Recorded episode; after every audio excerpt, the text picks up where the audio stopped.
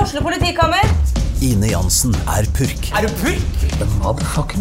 Alt jeg vil, er å finne ut hva som skjedde med mannen min. Jon Carew, Er jeg sikta for noe? Iben Akeli, Det er du.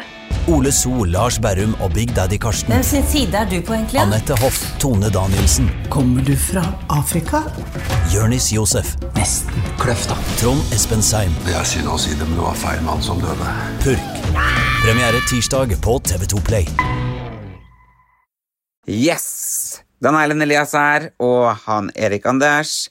Vi skal endelig spille inn livepodkast. Vi skal altså være live på scenen på Rockefeller den 31. mai.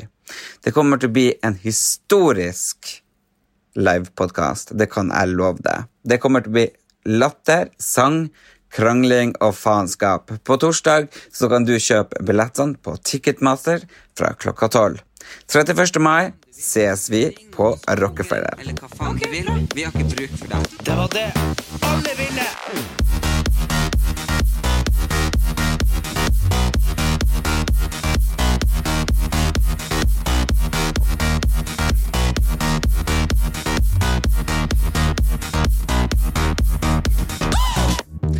Venstresidens eh, vekkelse. Flere fra den radikale venstresida trekkes mot Den norske kirke, mener prest Trond Bakkevig. Og en av dem er Tanja Michelet, som har holdt troen skjult hele livet. Men denne måneden så lot hun seg eh, døpe. Og da tenker jeg å, herregud, jeg som bannes på introen. For her med meg i studio så har jeg faktisk hun Tanja Michelet med meg som gjest. Velkommen, Tanja. Hei, hei. Hei! Var det greit at jeg banna på introen? Det er lov. Jeg banner hele tiden. Du gjør det? Ja, men jeg, nå, nå prøver jeg å slutte. Nå prøvde du å slutte. Ja. Ja? Så jeg prøver å si sånn uh, Sutter'n heller. Søren. ja? Po pokker. Ja, for fy fader, det er også litt dumt. Ja. Ja.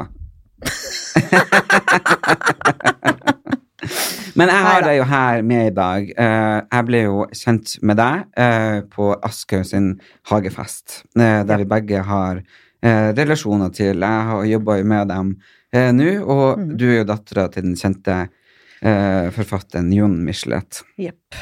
Eh, Vi møttes på hagefesten, men vi møttes vel egentlig eh, mest i sorgen. Ja. For vi hadde jo mista vår pappa nesten samtidig. Det hadde Så eh, vi hadde mye å prate om, og vi kjente hvordan den andre hadde det, og kunne forstå hverandre på det, på Ja. den måten. Så vi kan vel si at vi møtte hverandre i sorgen. vi. Vi gjorde det. Det er Mhm. jo litt spesielt at vi begge to uh, mista faren vår på samme tid, og faren vår holdt oss i hånda da han døde. Det er jo ganske sterke saker. Det er det. Det har vært veldig mye rundt den spesifikke hendelsen med faren min og meg i media, og Ja. jeg prøver å tolke hva, hva betød det, og så videre, men det samme skjedde deg. Ja. Vi skriver også bok på samme forlag som skal ut samtidig, ja. så det er jo en eller annen sånn, det er jo et eller annet møte her. Ja, det er jo det. Ja. At man møtes i sorgen på fest. På fest, ja. Så eh, Mm. det, eh, og det ble en fin fest. Ja, det var flott. Det var eh, fantastisk. Og jeg eh, velger jo å ha deg her i dag uten han Erik, eh, fordi eh, det er litt eh, med alderen tenker jeg på, men samtidig så, Mhm. så er jo alle ulike i hvilke livssituasjoner de har. Eh, jeg er jo kristen. Ja. Eh, og eh, jeg lever jo min kristendom ut i at jeg ber til Gud, at jeg tror på Gud, Mhm, mhm. at jeg tenker at hva hvis ikke han eh, Hvis ikke Gud er det liksom, For meg er det helt utenkelig. Ja. At ikke, at ikke Ja. Og så Klart jeg han ber er jo det. Fader Mm. vår, og eh, Men jeg er jo ikke vokst opp i en kristen familie. Jeg Ikke? vet Nei. nei. Eh, han pappa fikk jeg aldri svar på om var kristen eller ikke. for Han ville ikke snakke om nei, det. Nei. Han ville ikke snakke om det, han ville ikke snakke om politikk. Nei. Eh, han mente at det var privatsak. Han var Mhm. veldig sånn privat på de tingene. Ok. Hun mamma hun Mhm. har vel sin barndomstro, men jeg vokste opp eh, mye hos min bestefar.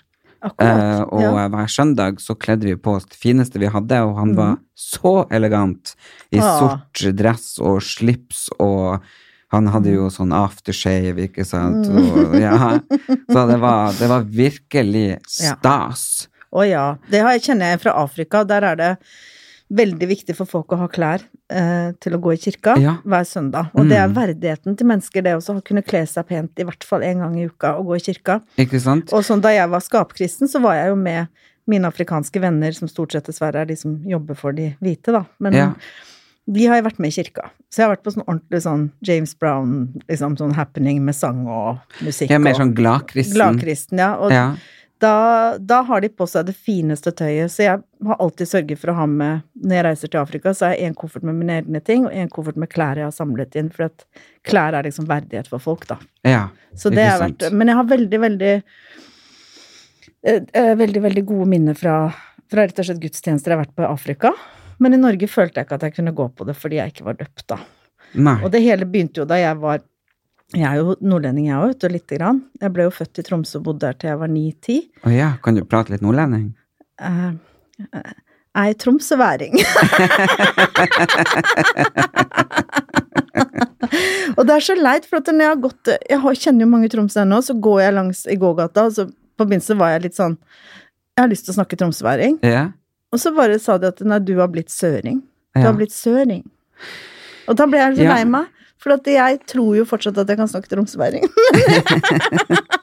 Ja, men, Mm. men det er jo litt eh, hvor man Ja, jeg har bodd her snart i 20 år, og Ja. enkelte ganger så kan jeg høre på TV at jeg liksom legger om eh, Ja. til eh, østlending, eller hva faen man skal si, for det er jo liksom ikke ren østlending, det er jo litt mer sånn hakka. Jeg elsker det når du snakker østlending og nordlending, men jeg syns det er morsomt når du, når du liksom går fram og tilbake med det. Det er jo Men det er veldig ofte, ikke sant? Mm. Det kommer i forskjellige TV-situasjoner, og da legger jeg om, og da Jeg elsker når du legger opp sånn, det er jo- så men, søtt! Mm. men det er jo liksom virkelig eller, man, Det er jo ikke bestandig at man tenker på det. Nei, nei, at man nei. gjør det. Det skjer liksom bare fordi at man kanskje føler at den man snakker med, ikke forstår. Men jeg er jo såpass tonedøv, og det er vel derfor jeg tror at jeg fortsatt er nordlending. Men så er jeg jo veldig eh, patriot for Ja. den eh, delen der oppe i nord. Jeg også. Jeg er jo født der. Født på det katolske sykehuset i Tromsø. Å ja. På kvinneavdeling, hvor det var da liksom når fedrene Dette var i 1969, ikke sant? Fedrene liksom sto bak en sånn glassvegg. De fikk liksom ikke Kom, kom inn! Så pappa gikk og så på Olsenbanden. Nei, og, og liksom kunne og kunne ikke være med, rett og slett. ikke. Nei, Fikk ikke men lov. fikk ikke lov til å være med. Så der ble jeg født, da. Og det har veldig sterkt forhold til Nord-Norge, jeg også. Hvilket år ble du født? 1969. 1969. Og da var det en sånn katolsk kvinneklinikk i, i Tromsø. Så dette her må være veldig lenge siden. ja, ja. ja, 69 er jo faktisk i år eh, Eh, Faen, er- 50 50 år fem- siden. Å, Gud, det er 50 år Ja, det siden! er 50 Da må år jeg siden. si du holder deg jævlig bra. Tusen takk! Det, Det er synd det ikke er eh, kamera her, men eh, vi skal ta bilde i lag, så får dere se. Hun holder seg veldig bra. Men Tusen tilbake takk. til det her. Mm. Jeg har kommet ut av skapet to ganger i mitt liv. Jeg kom ut av skapet som homofil, Mm. og så kom jeg ut av skapet som same. ja, Men nå er du altså kommet ut av skapet som kristen. jeg har tenkt på det. Og det er vel kanskje ikke så veldig ofte man hører begrepet. Nei, eh, jeg leste en eller annen statistikk. Det er liksom sånn noen hundre mennesker i året som lar seg døpe i voksendåp. Og så Ja. er det liksom eh, 20 000 mennesker som melder seg ut av statskirka hvert år. Ja. men, men det er jo klart at øh, jeg har jo vurdert mange ganger å å melde meg ut øh, for den konservative holdningen de har til homofile osv. videre Men jeg har aldri gjort det, fordi jeg mener og tror og jeg håper at det kommer til å bli eh, like liberalt og fritt eh, som alt ellers. Fordi mange sier ja, men hvordan kan du være eh, kristen, eh, for eksempel, når det er overgrep, blitt eh, overgrepet seksuelt i det kristne miljøet. Mm, mm. Og, eh, og det tenker jeg jo på eh, At det har vel ingenting med det å gjøre, fordi eh, det er jo mennesker. Ja, det Så er enkeltmennesker. Det er enkeltmennesker som gjør handlinger. Mm. Eh, og selvfølgelig, når for eksempel når pappa blir syk Mm. eh, og frisk, og på en måte eh, Han døde igjen, eh, og jeg, da ble jeg veldig, veldig sint på Gud og Å, ja. Jesus og på, på England, som jeg også tror på. Men Mm. det var jo igjen menneskelig svikt som gjorde at han døde. Ja, Eh, nettopp. så Det var det, altså. Han, ku- det var rett og slett svikt. Han kunne ha levd lenger. Han kunne absolutt Jeg, jeg kunne levd i dag. Men det var Mm. var absolutt veldig Mm. eh, leit å høre. menneskelig svikt eh, på sykehuset. Så, så, og det er jo liksom Men man blir jo rett og slett Det er jo lettere å bli forbanna ikke sant, på Gud, som Ja. du ber til om at det her skal gå bra, og så går det ikke bra. Men så Mm. må man bare ta seg til og si Vet du hva, det er mennesker. Det er mennesker, Mm. det er enkeltmennesker som gjør feil. Det er mennesker som overgriper, men det er jo ikke Gud. Som Nei. gjør det her. For, eh, og, og det, jeg tolker Bibelen på min måte. Ja, det skal du også. Jeg gjør det. Jeg Mm. tenker at Gud og Jesus, de liker alle, og de elsker alle, og, og de bryr seg ikke om Nestekjærlighet. Ja. Og jeg er veldig på det der. Så Bibelen i seg selv, Mm. det har jeg ikke noe behov for. Jeg plukker ut det jeg liker, og, Ja. og resten det driter jeg i. Og det er jo altså For meg så er det sånn at da jeg, da jeg I 94 så hadde jeg en datter på to år, og da begynte jeg på Blindern. Ja. Og da begynte jeg på Teologisk fakultet. Å ja. Og jeg var jo liksom full av håp og, og visste kanskje ikke helt hva jeg dreiv med, eller sånn, men jeg, ha- jeg søkte meg mot kristendommen. Men når jeg kom dit, så f- fant jeg ut det at prester, altså i 94 da, mange av de dyktigste prestene jobba der fordi de fikk ikke lov til å jobbe som prester fordi de var homofile. Nei, sant. Kvinnelige prester var det, kom til Det var akkurat begynt, og det var jo et helsikes leven med disse kvinnelige prestene, og det var masse styr, og det eh, Det var ikke greit. Nei. Eh, De hadde veldig, veldig Veldig, altså Den gangen så var ikke homofilt eh, partners, ekteskap, lov. Eh, Nei. Så det, og det er jo ikke så lenge siden. Nei, nei, nei, det er jo, det var vel i 1972 at, det ikke, at man ikke ble fengsla. Er det sant? Ja, 1972 tror jeg Mm. det opphørte den der, eh, loven. Ja, 1972. Nei, så jeg, jeg følte ikke den gangen at jeg hadde lyst til å melde meg inn i statskirka da, fordi at jeg syntes de hadde for mange utfordringer, da. Mm. Men jeg fullførte kristendom grunnfag, og Ja, hadde du lyst til å bli prest? Nei, eller jeg visste ikke helt hva jeg ville, jeg hadde bare lyst til å lære mer om kristendommen. Mm. fordi jeg- For du hadde ikke lært noe om det hjemme? Nei, men jeg hadde en stebestemor som var da eh, bestemoren til min eh, mamma sin ektemann nummer to, og hun var kristen, og når vi besøkte henne i Oslo, så hun var en veldig sånn skarp dame som liksom alle var litt sånn redde for, så sang hun salmer til meg, og vi snakket om kristendommen, så jeg var jo skapkristen fra jeg var liten. Ja. Og så oppe i Tromsø igjen, det var jo mamma hadde skilt seg fra pappa Jon, og hadde gift seg med Mats Gilbert, han var jo lege. Og sier du det? Ja. Det visste jeg ikke. Så han Mats Gilbert har vært stefaren din? Ja, og han var helt fantastisk, og jeg Er de elsker... sa- Nei, du- moren min er død. Mor di er død, ja, altså. og også. han, ja, hun døde i 90, eh, ni- 1983. men Hun ble bare 35. Nei, Så jeg er foreldreløs, jeg nå. Så- herregud. men, eh, men mamma og Mats fikk også en datter. Ja. Eh, og det er Siri. Hun bor i Ås nå, en- en av mine favoritt, eller min favorittsøster. Om jeg Ja. kan si det rett ut. Hun, eh, så det, hun snakker tromsværing, forresten, for hun har vokst opp der. Ja. ok, men, men eh, eh, Ja. Så eh, Ja, For det er jo helt uh, utrolig, men da har du jo Mm. Du er jo vokst opp eh, i en ganske profilert familie, vil jeg vel si, på Ja. litt forskjellige måter. For Ja. Mats Gilbert, jeg følger med, jeg ser jo jeg er veldig glad i NRK. Mm. eh, der jeg for øvrig så Lørdagsrevyen, eh, der du hadde et fantastisk intervju. Og hvis dere Tusen går takk. inn på Lørdagsrevyen på, på nett eh, og ser på eh, den fra 22. eh, februar, så Ja. finner dere reportasjen eh, om og Tanja. Det må dere se. en lattermild eh, frøken som Det er nettopp har lattermel, blitt, eh, og det er døpt. veldig veldig fint å se. fordi mm. Bestefar når jeg ha- jeg var med han i kirka, så var det ikke lov å le, og det var ikke lov å gi applaus. For det var ganske sånn litt styrt, tror jeg, under Lestat- Lestadianerne, Ja. ja. Mm. Så det var ganske veldig sånn strengt. Så derfor hadde jo han bestefar ganske mye dødsangst på slutten, Åh. eh, før han døde. Ja. Men Men, men, men, Mm. jeg, men jeg tenker liksom på den familien. Du har en Mats Gilbert, jeg ser jo på 113 eh, på NRK. ja, ja, ja, den har jo begynt nå. Mm. Ja, ja, det er jo helt eh, fantastisk. Eh, og så har du jo faren din. Ja, så det var, jeg vokste opp med to sånne AKP-høvdinger, og Mats har jo vært mer åpen for kristendommen, Ja. mens pappa var veldig rar, fordi at han på en måte ble liksom sint når vennene hans gifta seg i kirka, for at den AKP-ML-ideologien, det var at enten så var du liksom for saka, Mm. saka var da kommunismen, eller så var du mot saka. Det var veldig enkelt og greit. Saken, liksom. Ja, de kalte det saka. Og hvis du ikke var enig i politikken, så var det hets mot partiet. Så det var ganske sånn streng. Nei. Så det var veldig lite fleksibilitet, det var veldig morskt, veldig alvorlig, alle hadde masse skjegg og liksom Det var lukta Arbeiderpartiet. vondt. Nei, dette var jo AKP ML, altså på lengst ytterste venstre fløy. Og Det var det en finnes ikke lenger, da. Nei. Jo, det finnes, nå heter det Rødt. Å ja, ok. Mm. Men den gangen Og det- så var det liksom at de ville ha væpnet revolusjon. De var veldig aktive i Alta-opprøret, blant annet. Å ja, sier du det? sånn- Lenket seg fast. Pappa lenket seg fast overalt og lagde masse bråk.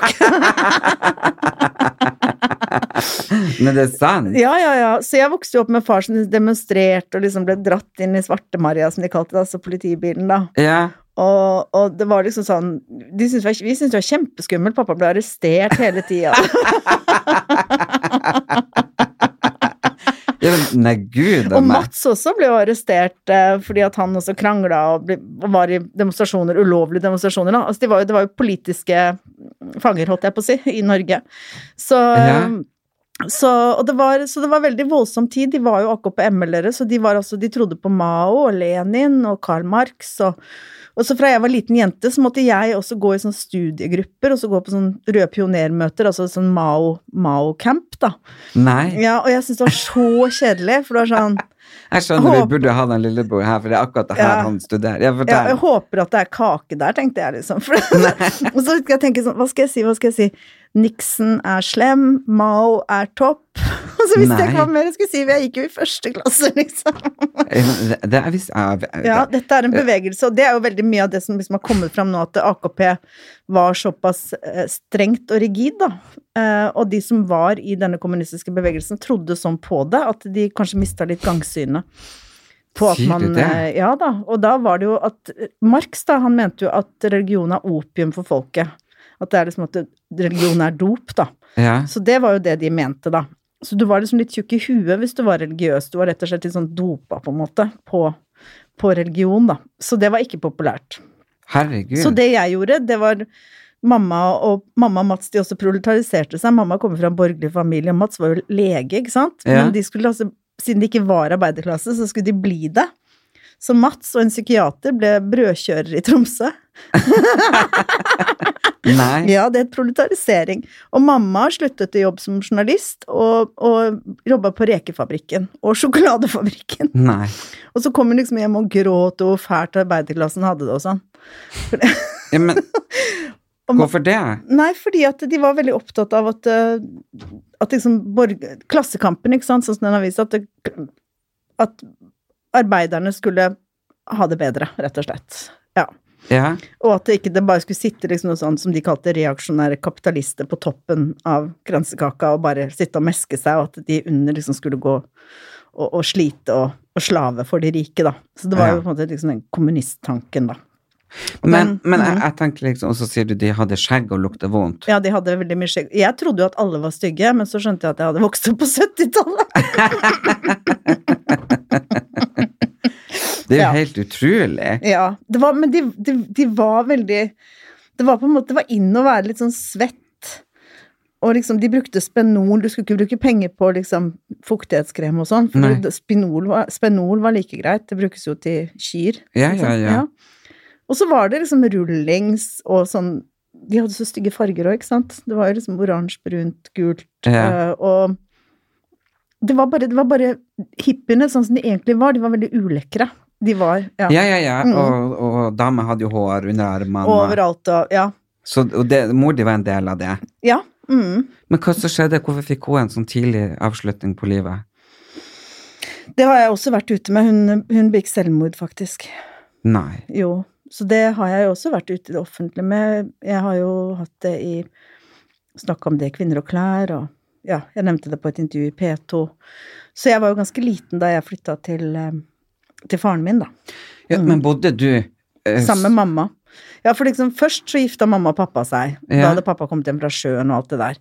Mamma og pappa møttes på journalistskolen. De var kjempepene begge to. De var de flinkeste på journalistskolen.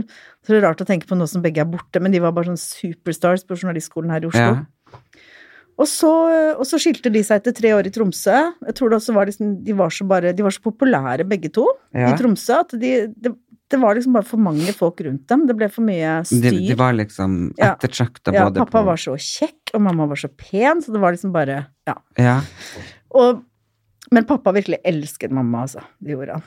Ja. Det var, men så skilte hun seg fra han. Så det var hun som tok det Ja. valget? Mm. Og da måtte han også flytte fra Tromsø, fordi at han mistet også jobben sin i Nordlys. Da. De jobba sammen i Nordlys i Tromsø som journalister, da. Hvorfor mista han jobben? Fordi at han ville sette opp en, en statue utenfor Nordlys av eh, den vietnamesiske lederen Ho Chi Minh. Så han starta sånn underskriftsaksjon. Nei. Og så viste det seg senere at han, redaktøren i Nordlys, Ja. han var spion. Altså han var overvåker. Overvåket pappa. Nei? Jo, for pappa ble jo overvåket i 20 år av Arbeiderpartiet, ikke sant? Så Og du potter- slutt. Ja. Hvordan Så, overvåka? nei, det var jo Arbeiderpartiet overvåket jo eh, fiender av Norge, på en måte. Så faren min og veldig mange av disse i AKP-bevegelsen ble jo overvåket, ø, og det ble ført Altså, telefonen vår på Lindeberg i Oslo, da jeg og søstrene mine vokste opp, Ja. det var alltid sånn at vi liksom knerta te- røret i veggen, og det var alltid noe gærent. Nå er det ekko igjen, nå er det ditt, nå er det datt. Det var masse aktivitet bare du tok av røret. Jeg tror Vi ble over, overvåka hele, hele oppveksten vår. På telefon. Ja. Det er jo helt vilt. Det er helt sant. Så han fikk liksom 80 000 kroner i erstatning da, da dette med mappesaken kom opp i Norge, og alle som hadde såkalt mappe, over, overvåkningsmappe. Men til og med da, du kunne få tilbake mappa di, men det som staten ikke ville at du skulle vite, det var klippet ut av de papirene, liksom.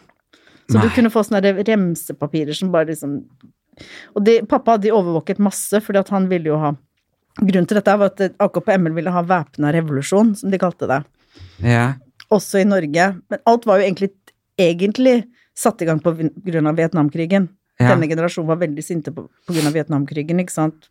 Og det sier seg selv, selvfølgelig. ja. Og, og så mente de også at det var liksom urettferdig for arbeidere i alle land, foren dere, og de hadde mye sånne slagord, da. Så de var opptatt av av at det skulle komme en revolusjon blant, blant arbeiderne for å liksom ta knerten på de rike, da. Det var det som var deres eh, Og så mente de at da skulle man se til Mao, Stalin, Lenin og Karl Marx for at de hadde svaret på liksom verdensproblemene, da ja. rett og slett. Og siden de hadde kalt seg revolusjonære, så tenker man jo da våpen og sånt, og da tenkte den norske staten at disse her er nærmest gerilja, da, så de må vi overvåke. Men det viser seg i ettertid at det var ikke noe våpen, liksom. Nei. Så, og det var ulovlig overvåking. Ja, det må jeg jo Ja, si. og faren min fikk jo også kanskje muligens et arbeidsforbud. Det var helt umulig for han å få jobb som journalist. Og det kan vi jo ikke ha i et demokrati, at en person blir overvåket og får arbeidsforbud.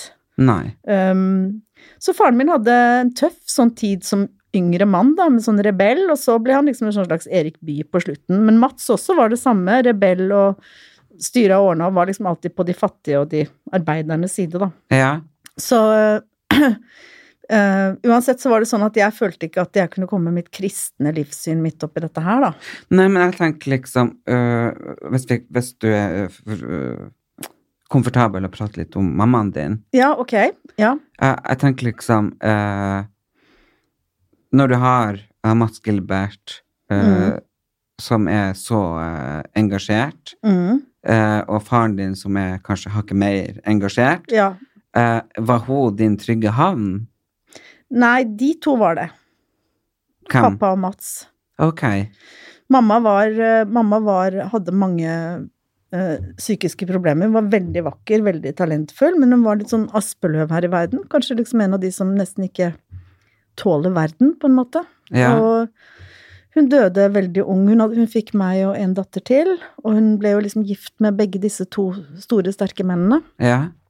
Og hadde en lysende framtid. Hun var ballettdanser også, var dansa for Nasjonalballetten før hun ble journalist. Ja. Så hun var bare et sånn utrolig kvinne, egentlig. Men siden hun jobbet i Klassekampen som journalist, så hadde de veldig dårlig lønn, og hun var alltid fattig og sliten. Hun liksom skilt to ganger, to barn, flytta hit og dit. Så hun hadde et veldig trist liv, og Selvfølgelig, hun var mitt holdepunkt, altså jeg bodde sammen med henne, men det var jo liksom de to mennene jeg lente meg på, da, for det var liksom de som var sterke. Og Ja. de burde jo hele min De har jo fighta over meg også, fordi Mats ville adoptere meg, og det ville ikke pappa, og så Men så har de vært venner også, da, så de har sånn rart forhold pappa og Mats da hadde. Men, men ser du på han Mats også på han som en slags pappa? Ja, altså, han er jo min stefar, kommer alltid til å være det. Ja. Mm. Så øh, Men jeg kunne ikke liksom snakke for mye om det, for da ble pappa sjalu. Ja, ikke sant? Ja, pappa var veldig sjalu på det med Mats hele den tiden han levde. Men var han sjalu for han følte at han hadde tatt mor di fra han? Eller var det det at han ville ha Deg og, og søstera di for dere for seg sjøl? Ja, han ville Altså, søsteren min er jo Mats sin, da. Hun, hun ene søsteren min. Mamma og Mats fikk jo en datter, men eh, jeg tror pappa ville at jeg skulle være datteren hans, ja. Men, men fikk mor di og faren din bare ett barn? Det var bare meg. Og så fikk mamma og Mats ett barn. Men så har du jo flere søstre. Det er pappa sine barn. Som man hadde fra før, eller fikk etterpå? Etterpå. Ja. Med sin nye kone. Ja. Og enda en ny kone etter det. Dette er hippietiden, vet du. Så da Ja, Hvor mange søsken har du? skal vi se. Jeg har fem. Fem. Mm. Ja. Og, og, og, og det er Det er altså Det er helt Det er umulig å ingen av forstå. dere som har samme mor og far. Jo, det er et par av dem som har det. Ja, men, men ikke, men du. Ikke jeg. Jeg har Nei. ingen. Ingen her. ingen bare, bare halve. Mm. Ja. Det har tatt meg veldig lang tid å finne ut av det selv, på en måte. ja. Nei, for jeg, Det- jeg og lillebror er jo halvsøsken, men vi har jo aldri kalt oss halvsøsken eller følt at vi er halvsøsken. Nei. Vi er jo søsken. Ja. Men sånn føler jeg det med, med noen av mine søsken. Ja, Ja. ikke sant? For det er vel kanskje hvordan man vokser opp, og hvordan Ja. Og personlig kjemi. Ja, Rett ikke og slett. minst. Så øhm, jeg er Men- veldig knyttet til hun søsteren min som jeg faktisk bodde i Tromsø med, ikke sant? Fordi veldig kort da mamma og pappa var gift, de skilte seg da De fikk meg, skilte seg da jeg var tre år. Mhm. Mamma gikk da tilbake til sin ungdomskjæreste, Mats, så det kan ikke ha vært så lett for pappa, da. Å ja, så de Ja. var, de var ungdomskjærester. Ja, og så liksom når hun har vært gift med pappa, og så blir de Vet du, skilt, det her og er så går så hun. spennende. Ja, så går hun tilbake til Mats, og pappa var jo helt fortvila, ikke sant. Du kan Ja. tenke deg, pappa ble jo berømt og alt mulig senere, men tenk deg den gangen, da, med liksom Ungen sin fikk han ikke sett, for han var i Oslo og hadde ikke noe jobb, og mamma hadde blitt sammen med han derre fæle Mats igjen, og så giftet hun seg med Mats året etter at han skilte seg fra pappa, Ja. og da ble vi med Mats på hele den legeturnusen opp i Nord-Norge. Å ja, Så da var vi, bodde vi i Indre Troms, og vi bodde på Lofoten. sier du det? Ja, og jeg elska det der oppe. Jeg, jeg så på det med Jeg var jo Da jeg bodde i Lofoten, så var jeg rundt og skar tors, torsketunger og fløy ned på brygga. Ja, for den var jo Ja. nettopp på. Ja. Jeg så det og holdt på med klippfisk og Så jeg har holdt på med det der. Så, så nei da, så vi var Og vi bodde i Indre Troms også, på Hansnes. Så Men, men tror du eh, Ja, så fikk de en datter, da, til. Ja. Eh, og så, da hun bare var ett år, så, så ble mamma og Mats skilt, så da måtte jeg reise fra lillesøsteren min, hun som bare var ett år, da. Så de ble skilt. Ja, en, hun, mamma ble skilt fra pappa, og hun ble skilt fra Mats etterpå. Hvor lenge etterpå levde hun? Åtte år. Og da bodde hun i Tromsø fortsatt. Nei, da dro vi til Oslo igjen. Så hun, hun ja, og tok hun med Hun søstera Mm. tok med meg, men hun lot, den lille søster, lo- lot ettåringen sin bli igjen hos Mats. Sier du det? Mm, Det måtte ha vært tøft for henne. veldig tøft. Jeg tror hun kanskje følte at hun ikke på en måte hadde Energi. Ja, at hun ikke Hun var ikke sikker på Kommer jeg til å greie å ta med meg Tanja, ikke sant? Det var, det var veldig vanskelig. Hun, Ja. var veldig, hun var veldig dårlig psykisk og var veldig fryktelig sliten og lei seg og Så det var kjempetøft. for Men det henne. her bodde du eh, oppi. Ja. Var det du som fant henne? Nei, hun eh, dro til eh, landstedet til mormor og morfar i Sandefjord. Mm. Ja. Og der tok det et døgn, og så fant det var fiskere som fant henne i sjøen, og det var i januar. B- Nei. Ja, Så da hadde hun eh, Ja. Hun hadde rett og slett gått i vannet. Mm, Ja. I januar. I januar, ja. Mm, For, så det, så, I 1983. Januar 1983. ja. Så det var helt Men, ikke sånn- men sant? hvordan Hun lille Tanja, hvordan Ja, hva Nei, altså, den nye boka mi som kommer ut nå, eller som jeg skal, som, som jeg skal ha ferdig, og som forhåpentligvis kommer til høsten, den begynner jo med en scene fra moren min sin begravelse, fordi at jeg har nå begynt å bearbeide disse tingene. for, for har det vært sånn at du rett og slett har fortrengt det? Ja, jeg har For jo jeg tenker at det her er jo så traumatisk, for det første, eh, at foreldrene dine skiller seg, og at hun gifter seg på nytt, og at det blir sjalusi mellom eh, dine far og stefar, og at du flytter så mange ganger som du gjør. måtte flytte fra lillesøsteren min, som jeg elsket overalt på jord. Ja, Mm. og da tenker jeg liksom Hva som skjer med no, noen ting som jeg er veldig opptatt av, mm. identiteten din. Ikke Ja. Mm. sant? Hvor den ble oppi alt det her. Var du nordnorsk? Var du østlending? Var du liksom eh, med Mats, eller var du med faren din, eller Mm. var du med moren din? Liksom, det måtte jo vært veldig, veldig turbulent for den lille Tanja. Veldig vanskelig. Og det, ikke minst det der med å være mellom Nord-Norge og, og Oslo. Ja, og, og Ja. søstera di Ja. Ikke sant, som kanskje du fikk et sånn sterkt I hvert fall, jeg, jeg opplevde jo det i en av mine største kriser i livet. Og, og rett etterpå så ble jo min lillebror født, Mm, og det var på en måte en redning som gjør Ja. at jeg sitter i dag. Og, Akkurat. Mm. og, og, og, eh, Så jeg kan jo relatert til å tenke at da du ikke fikk lov å være sammen med den lillesøstera di Mm. For det, små barn gir jo veldig mye energi. Ja, de gjør det, og så er det også det at du får du får på en måte en slags partner in crime, ikke sant? Du Ikke får sant. En, en, en bror eller søster, og for meg så var det også bare Jeg hadde kjemi med den ungen siden hun var født, altså jeg bare elska den ungen. Og da Mm. var jo på en måte Pappa hadde jo starta et nytt liv i Oslo med sin nye kone og fått barn, ikke sant? Ja. Så da Og jeg var veldig knyttet til min stefar, så da hadde jeg liksom livet mitt i Tromsø med stefar og mamma, og så fikk mamma denne ungen, da. Så da hadde jo jeg en familie der, og så plutselig var det slutt også. Og da var det jo sånn at eh, jeg, hadde en sånn, jeg er veldig glad i dyr, så jeg hadde en sånn svær hannkatt.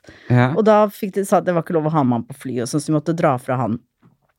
Men det er det eneste jeg Jeg har jo fått masse terapi senere, men da tok Det traumet var så stort for meg å reise fra lillesøster at jeg ikke greide å skjønne det. Jeg hadde bare, trodde at det bare var lei meg for at jeg hadde dratt fra katten. ja, ikke sant. Fordi at det var, det hadde, var liksom blokka ut av hodet mitt. Ja. Eh, og det er et traume. Men venter Mm. du deg etter Gud noen gang i det her tidsperspektivet som ja, du kan huske? jeg gjorde det nemlig, fordi at da eh, rundt altså disse tumultene, når jeg skjønte at det begynte å gå dårlig med mamma og Mats, så begynte jeg på søndagsskolen, Ja. undercover, i, i, i Tromsø. Nei. Så jeg hang meg på venninnene mine fra, fra første klasse på Hansnes skole, da, eh, på Håp i Tromsø, og der og jeg syntes det var så fint med søndagsskolen. Det var sånn der tavle med sånn filtfigurer, og så fikk vi sånn fin bok med sånn gullstjerner, og jeg satt liksom med de gullstjernene mine og samlet. Jeg var jo kjempeflink på søndagsskolen, Ja, det hadde kan jeg tenke meg pugga alt til. og og hva, å, de, du vet, klistremerker for små barn, du får de der gullstjernene som var helt fantastisk. Og så skulle de rope opp, liksom ha sånn opprop, hvem er det som er døpt, og hvor er dere døpt? Og så tenkte jeg, nå ryker søndagsskolen. Ja. og så fikk jeg beskjed om at nei, du er ikke døpt, så du må gå hjem. Er det sant? Ja. Nå må du slutte. Og så gikk jeg fra deg, vet du, med den store, husker du det store snøfondet, så gikk jeg liksom lille jenta på, på seks år og gråt. Er det sant? Ja. Og alle de som jeg forteller dette nå i Kristen-Norge, ikke sant. Nå er det jo liksom biskoper og alle disse jeg har Nå er det jo liksom tatt helt av denne saken med meg, og de er jo helt forferdet over dette. Ja, men det er jo, og, og en av grunnene til det, eh, det er jo noe som ingen faktisk vet, for jeg faktisk ikke eh, snakker om eh, offentlig, men det er jo det at jeg er utdanna søndagsskolelærer. What?! Ja, når jeg var eh, rundt 17-18 år, så var det jeg og ei anna fra bygda Mm. som eh, tok utdannelse som søndagsskolelærer, og det var en del helgekurs. I alle dager. Ja. Så da eh, starta vi søndagsskole og hadde barn og ga ut Ja. stjerner og i det hele tatt. Så. Mhm. Men eh, det der er sjokkerende. Jeg bare tenker Ja. liksom Hvem i all verden? Eh, eh, det, det, det er jo traumatisk. Ja, det er kjempedramatisk. Og det verste var at jeg Jeg tror ikke du hadde vært en sånn søndagsskolelærer, Nei. men det var, det var altså det, For dem så var det bare en, tydeligvis en sånn Ja, nå skal vi lese opp, og så Nei, du er ikke døpt, nei, da må du gå hjem. Men Og det her så- var jo på harde 70-tallet. på det harde 70-tallet, og så gikk jeg hjem da. Sparket litt i snøen og gråt mine bitre tårer, men så kunne jeg ikke si noe hjemme heller, for at eh, religion var jo opium for folket og alt det der. Ja, Så jeg var liksom fanget i et sånt ingen, ingenmannsland, og det Når vi tar det på et høyere nivå, så hadde vel det med min identitet å gjøre også. At Ja. jeg ble en sånn I et sånt ingenmannsland. Som har, du har, sier. har, har, det, har det fulgt deg litt sånn opp gjennom livet? Ja, som var jeg voksen nordmann? også? Nei, var jeg nordlending? Var jeg sørlending? Var jeg Jeg v- ø, visste jo at jeg var skilsmissebarn, men hva, hvor hørte jeg til? Mats ville at jeg skulle være der. Mamma ville ha meg. Ja. Pa- Og det var jo hyggelig at man, mange ville ha meg, men hvor hørte jeg til? Hva? Og så, og så får man jo, jeg er jo skilsmissebarn jeg sjøl også, jeg opplever jo at man får jo veldig dårlig samvittighet hele tida, Veldig. uansett hvilke valg man tar. Skyldfølelse. Skyldfølelse, dårlig samvittighet. Mm. Så, og det er jo noen ting eh, i hvert fall som er vanskelig for meg den dag i dag, er jo å ta et valg. Fordi Mm. Ja. at jeg er så redd for at noen skal bli såra. Ja. Og for meg så er det litt sånn at jeg har blitt litt sånn s- skyggeredd, eller litt sånn For at det liksom Alt det der med den familien som var, var bygd opp, ikke sant. Tromsø, jeg elska jo livet mitt der. Og så plutselig så kommer de på sånn typisk 70-tallsvis. Ja, nå må du sette deg ved middagsbordet. Du skjønner det at eh, vi skal skilles, og eh, da er det greit om du velger hvem du vil bo hos. Og det skulle liksom du ta. Ja, så sitter jeg der lille jenta der, da, så Så, og, da- og da tenker jeg liksom Da ville jeg jo kanskje være hos den som var den sterke, Mats, men så tenkte jeg at jeg må passe på mamma. Ja. Så husker jeg jeg syntes så synd på mamma også, og da tenkte jeg også nå, dette her, nå ryker det. Dette greier ikke mamma. Det skjønte jeg som en liten jente. Du skjønte det? Jeg skjønte At hun kom til kanskje å Ja, å- jeg skjønte at dette, dette, greier- dette greier hun ikke. Men kjente du det? Skjønte du det på en måte at hun kom til å ta livet sitt? Ja, jeg så jo hvor syk hun var, ikke sant. Men For gikk jeg- det med en angst og, Ja, og redsel? Ja, jeg tenkte på at hun jeg, Men snakka du med henne om det noen gang? Nei, jeg snakker ikke med noen om det. Så du sa det ikke til henne, eller? Nei, nei, nei, nei. nei.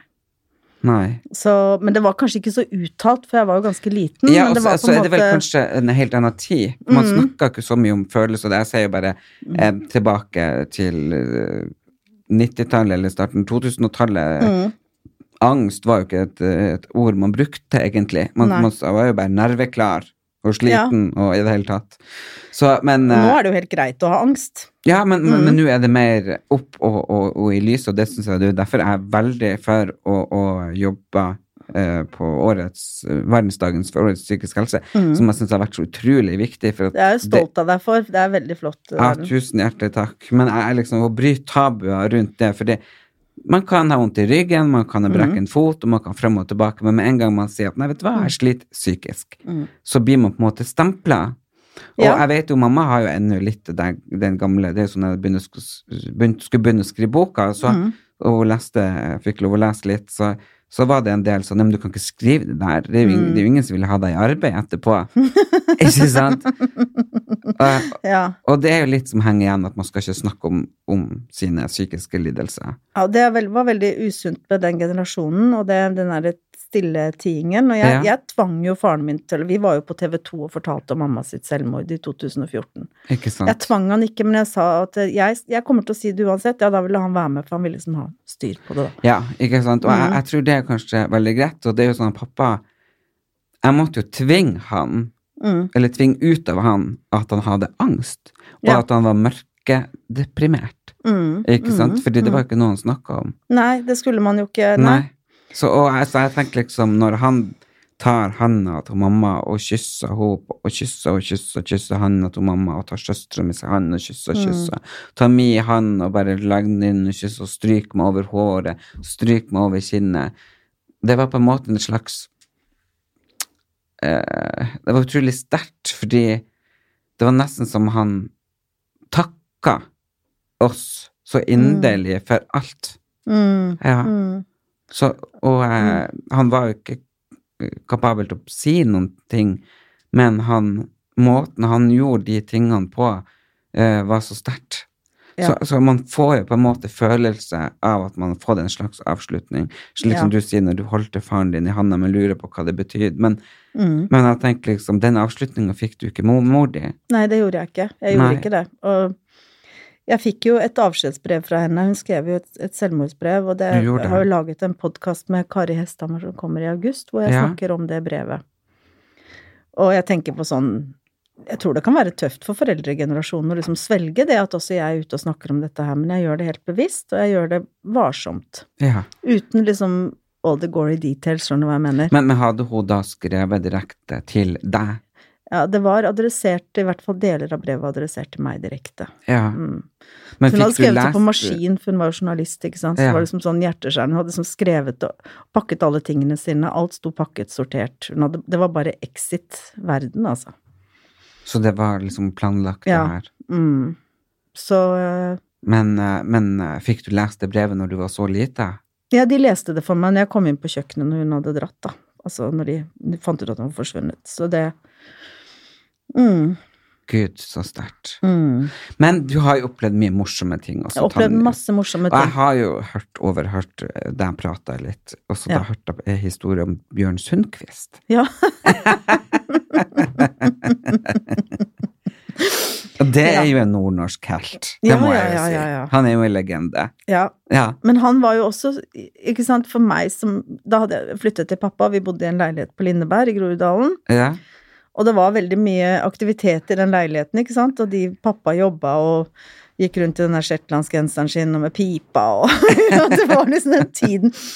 Og det var veldig koselig der. Jeg og søsteren min koste oss veldig, og det var, vi hadde det fint. Men så var det liksom det var en verden veldig på de voksne, voksnes premisser, og de var på mange alvorlige møter, og vi var liksom litt sånn ekstra kulisser noen ganger, for at Ja. de hadde masse alvorlig politikk som de skulle ordne opp i, og fikk snakke om møter og ditt og datt.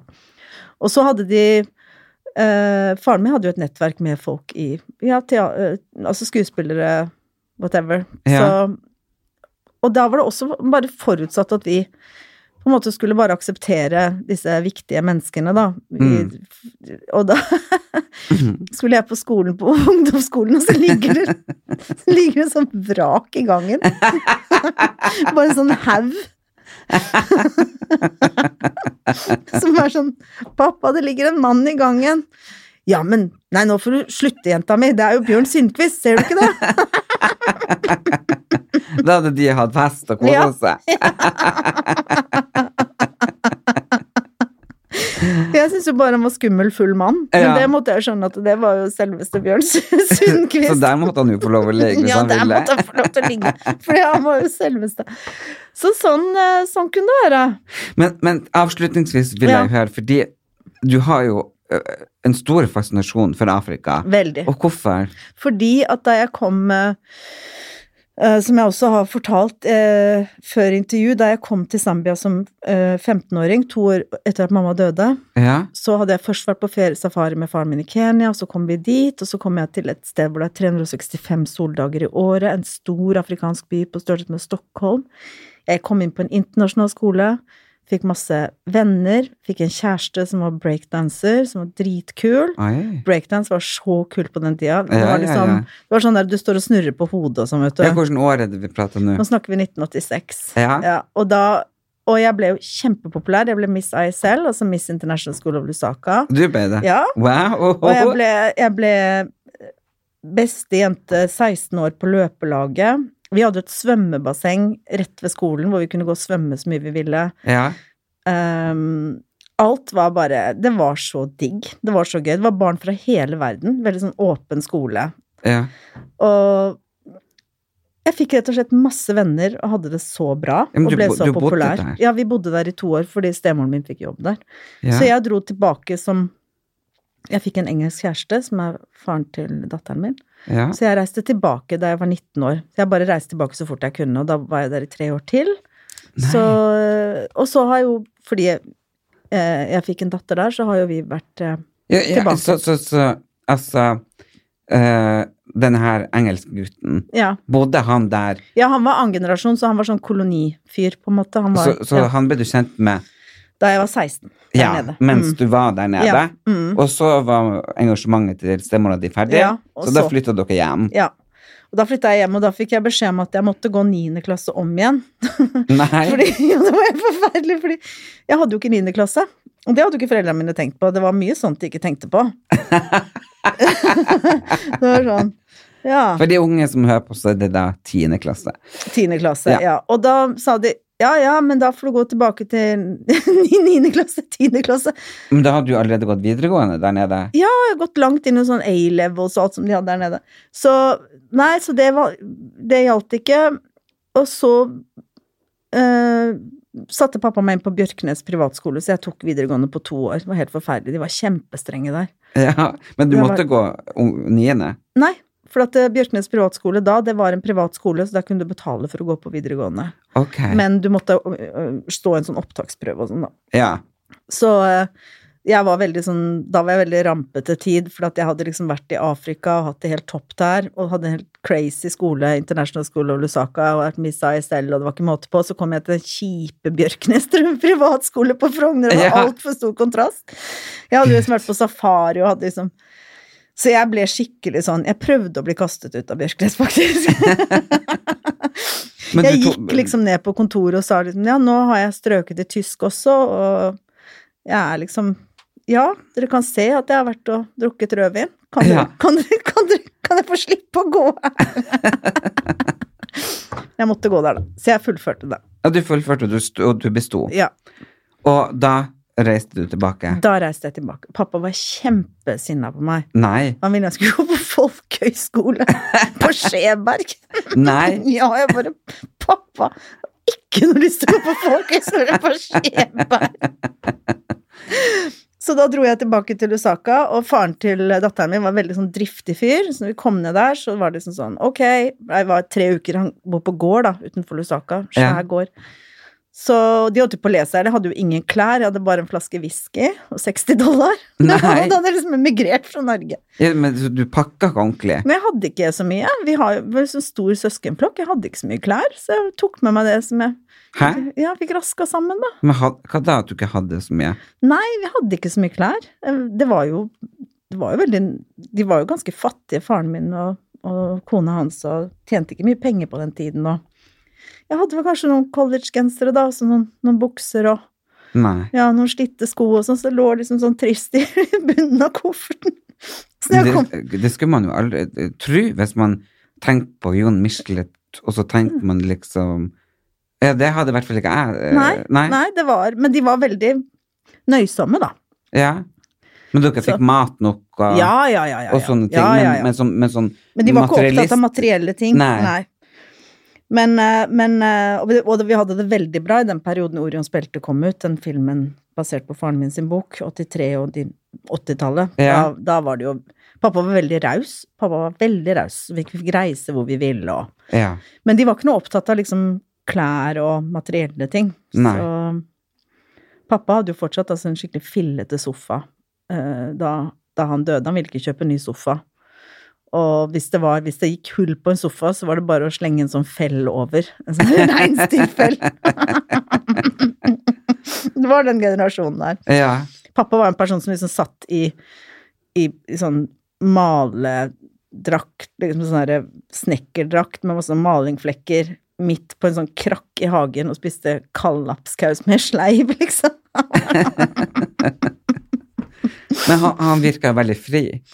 Han var veldig fri, men det å være barn av hippier, det er noe annet, for at de vil ikke at vi skal gjøre samme feil, så det er noen av de strengeste foreldrene du kan få, det er hippieforeldre. Ja. Helt utrolig, men det er de, altså. ja, det kan jeg virkelig tenke Ja, meg så til. han var veldig streng. Så Men- da reiste du, og så traff du denne gutten som du Ja. allerede var da forelska i. Ja, og da ble jeg der hos han, og han tre uker etterpå så fikk jeg jobb på norske ambassaden, og så begynte jeg å fly småfly med, med Lusaka Flying Club, da. Så da var, det, da var jeg i gang i Zambia. Så da, da som 19-åring så hadde jeg emigrert, og så bodde jeg der. Og så var jo selvfølgelig, vi bodde på farmen med moren hans og alt, så hun, hun sydde klær til meg, faktisk. Nei. Så hun hadde sydd uniformer til alle de som jobba på farmen, så jeg gikk også rundt i sånne rare sånne polyesterklær som hun hadde sydd til meg. Men så jeg fikk jobb på ambassaden. Zambia var jo et veldig, veldig et land hvor du ikke fikk tak i noen ting, så da fløy faren til Julia meg til Namibia, eh, som er nabolandet, og Windhoek, hovedstaden, hvor det er sørafrikansk på en måte, veldig, nesten som Europa. Så der kjøpte vi sekretærklær til meg, for da hadde jeg fått jobb på ambassaden. Hæ? Og så drev jeg med småfly på fritiden, så jeg fløy rundt og Du var Ja, flyvertinne? Nei, fl- eh, pilot. Du var pilot? Ja. Hvor i all ver- Nei. Du var pilot? Ja. Nei. Jeg kan fly! Så hvis vi drar nedover, så skal jeg fly også. Herregud. Hvor du For har- et liv! For et liv! Jeg Ja. mener det. Du er et spennende menneske, Tonja. Thank you, det må thank jeg you. virkelig, Det er du virkelig si. også. Jo, takk i like måte, men jeg har ikke emigrert til Afrika, og ikke kan jeg fly. Men jeg har alltid vært interessert i å gripe livet, Erlend. Jeg synes Man skal ikke sette seg fast i noen sånne tristesser, ikke sant? Og, Nei. og jeg tror nå som faren min er borte, det han har ønsket seg aller mest, var at jeg lever den tiden jeg har igjen nå, liksom. Ja, og det er Mm. jo derfor jeg på en måte eh, eh, Det tror jeg faren din hadde ønsket for deg òg. Ja, og han, eh, han, eh, han Pappa sa jo det hele tida. Han var veldig opptatt av at jeg skulle jobbe og følge drømmen. Og jeg husker jo når han skulle på, eh, på sykehuset og eh, Ja, og, og, og ta denne prøven, da. Så spurte jo jeg om jeg skulle være med han. Mm. Og da, han visste jo at jeg i ti år har feira 17. mai hos Elisabeth Werp, eh, som jeg syns er en fantastisk eh, kunstner. Så han sa jo nei, men jeg fikk jo vite i ettertid han fikk jo ikke dekt syketransport. Sånn, og han hadde jo da hatt stråling for prostatakreft, så han hadde jo problemer med oppsamling, at han ikke fikk tiss, og det plutselig var blod, og så han måtte jo liksom Ja, det var helt forferdelig. Så, og tissa på seg, sånn, så han måtte ta seks timer med buss Nei, men begge veier. Så tolv timer i buss. Jeg Åh. trodde jo at han fikk syketransport, men eh, han pappa ville ikke fortelle det fordi at han visste hvor gøy og hvor mye jeg gleder meg til hver 17. mai. Og, og, så Mm. Åh. han ville jo bare mitt beste. Og han det er jo hjerteskjærende historie, det, da. ja, Å, og jeg søt, da. tenker jo liksom i dag bare faen at jeg ikke øh, Ja, jeg skulle gjerne gjort det. Men han pappa lærte meg eh, ting som betyr veldig mye for meg, og det er jo liksom Hvis du skal oppnå det du vil, Mm. så må du gå utenfor komfortsona di. Du må det. Du må det. Og det lever jeg etter. Mm. Og han sa også 'legg deg om kvelden med en god smak på tunga, Mm. og ikke slitt albuer'. Ja. Så ikke slekk folk i ræva og, og bruk albuen til å komme nei, deg fram. Nei, nei, nei. Du Det- hadde en god far. Jeg hadde Og han det. ville vært stolt av deg, fordi du har beholdt din integritet, og du vet hvem du er. Ja, og det tror jeg Mm. er det viktigste for meg, fordi Ja, og, og det tror jeg vel Hvis man skal trekke paralleller til din pappa, så tror jeg de var veldig like Mm. Det på tror jeg jo. veldig mange måter. Og så er det nesten litt freaky, fordi faren min hadde også prostatakreft, ikke sant? Så det er Ja. liksom bare ene Etter det andre. møtepunktet etter det andre. Så jeg tenker jo han pappa leste jo veldig Jeg har lyst til å være alt far din skrev. Så rart å tenke på at Ja. din pappa har lest hva min pappa skrev, for det er jo pappaene Ja, men det er- våre. ja, det er så rart. Ja, og det er jo Ja. der jeg ble liksom kjent med Jon Michelet. Mm. Det var jo fordi at de bøkene lå jo framme. Ja, Han nettopp. pappa drev jo Ja. Mm. bi- bibliotek ved siden av, for han var også veldig, veldig opptatt av eh, bøker. Mm. Og eh, han leste jo alle Jon Michelet-bøker. Så, og, og, det, så det var liksom Du vet navnet, og jeg trodde jo først at det var en fransk mann, ikke sant? Fram og tilbake. Helt til han begynte å fortelle meg Ja. Mhm. liksom om for jeg bare, hvem det er, ikke sant? Og da fortalte jo han om han er mannen eh, fortell- som var på sjøen og skrev om ditt og datt. Og Ja. sjø, sjømannens historie og, og eh, så sånn ble jo jeg kjent og, eh, med han, og han eh, fortalte jo at det var jo veldig mange forskjellige bøker, forskjellige sjangre nesten, Ja, han hadde ja, ja. skrevet. Mhm. Så han sa jo, oppfordret meg jo liksom, hvis du skal lese noe, så les det. Ja. Og, og så plutselig så dør han, og dør min pappa, og så møtes vi. Så møtes vi. Så jeg tenker, Mm. Ja. det universet er veldig, veldig, eh, ja, Ja. Første gang jeg møtte Magisk. deg, så følte jeg med en gang en sånn connection. Ja. ja. Og, og takk i Mhm. like måte. Så jeg, Ja. jeg tror jo det er så mye mellom himmel og jord. Det er det, vet du. Det er og, det. Mm. eh, Ja, og det, det er veldig godt. Og, og det å- at man kommer ut som kristen eh, Og Mm. jeg tror vel Hvorfor du har blitt kristen, tenker jeg er vel fordi at du har jo bare hatt behovet Jeg har hatt av behovet. noen, og, og, og du er et anker. jeg trenger et anker. Og så Ja. nå tenker jeg tenker ofte pappa, kan du tilgi meg for at jeg altså, Eller er det greit for deg at jeg lot meg døpe? For jeg vet jo ikke om han hadde syntes det var greit.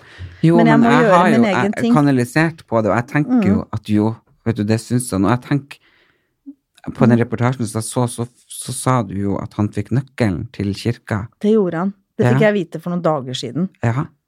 Og ikke, han leverte ikke den nøkkelen tilbake. Nei. Så det tror jeg er et tegn på at vet du hva, jeg har sett deg, og jeg kjenner deg. Følg drømmene dine og hjertet ditt, Tanja. Jeg tror det var jeg tror det var det han mente med det. Og når det er kommet fram dette her med nøkkelen til kirka og alle disse her, så har på en måte historien blitt kanskje noe mer enn Jon og Tanja òg, da. For at det er så store ting. At, ikke Ja. sant?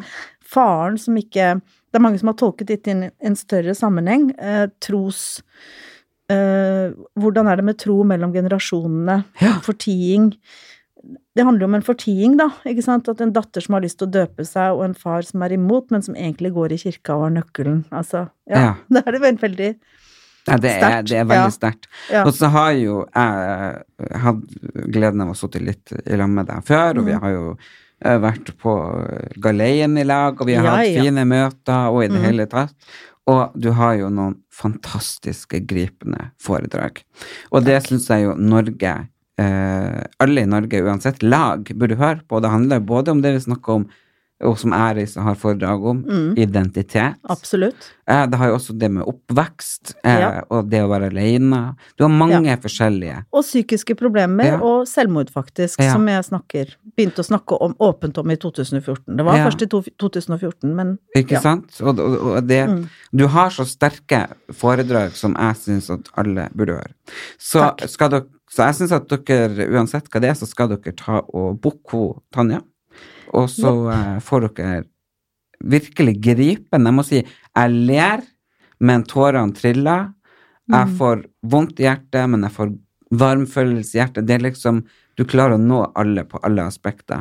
Takk. Så eh, Det er veldig mange etter at jeg gikk ut og, og ble døpt og har vært i disse reportasjene, så får jeg brev fra hele Norge. Jeg har fått hundrevis av eller brev, forskjellige henvendelser, og alle er positive. Det er akkurat som en positiv, sånn varm bølge. Ja, og det er Av bare tønn over seg. kjærlighet. Men det er Ja. Mm. jo så spennende å sitte og prate med deg. Jeg vil, jo, jeg vil jo vite alt om Ja. Mm. Afrika, alt om mora di, alt om eh, Mats og far din, og søsknene. Ja, og det er i litt av et eh, konglomerat, holdt jeg Ja! på å si. Da hadde vi sittet her Ja. eh, lenge. Men dere kan ta Boko, eh, eh, Tanja, på EE Media Booking i ett. EE, altså EE Media Booking at gmail.no. Eller eh, til vår felles manager Mhm. eh, 41 65 70 10. Altså 416 57 010. Og jeg heter Siri, og vi er jo veldig heldige at vi deler samme koordinator og Fantastisk. manager. Det er en stor ære. Så eh, der kan dere booke både hun og meg eh, på foredrag. Og eh, jeg må bare si takk for eh, denne timen. Tusen takk, Erlend. Det var helt, eh, helt utrolig bra å snakke med deg. Ja, det var vanvittig koselig å ha deg på besøk. Takk. Og eh, du må komme igjen, for det her er jo Det er mye Jeg å snakke om. Ja, og jeg er jo veldig nysgjerrig. Du får jo dratt det ut av meg! Sånn, Ja. mm, ok. Nei, Tusen men jeg, jeg, bare- takk. jeg syns det er viktig med åpenhet, og jeg har tenkt å fortsette å snakke om om de vanskelige sidene som foreldregenerasjonen ikke var så flinke til. Ja. Mm. Man eh, Som den tyskforsaken har vært, og det slagordet Mhm. som har blitt at man skal ikke ti ting i hjel, man skal snakke det i hjel. Snakker i hjel. Mm. Ja. Og da er jo åpenhet første skrittet. Mm, Så eh, tusen takk for at du kom, takk. og lykke til, og vi ses. Gjør hva faen du vil. Spring opp i skogen, eller hva faen du vil. Vi har ikke bruk for deg. Det var det alle ville!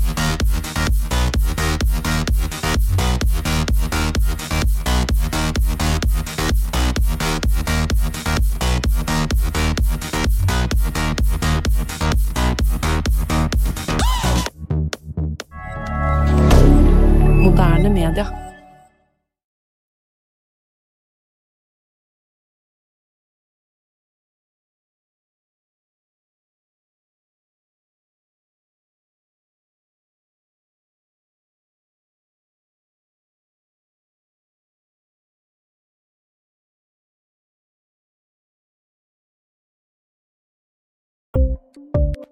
Ukens annonsør er Folio, en smartere banktjeneste for deg som har en egen bedrift eller ønsker å starte for deg selv.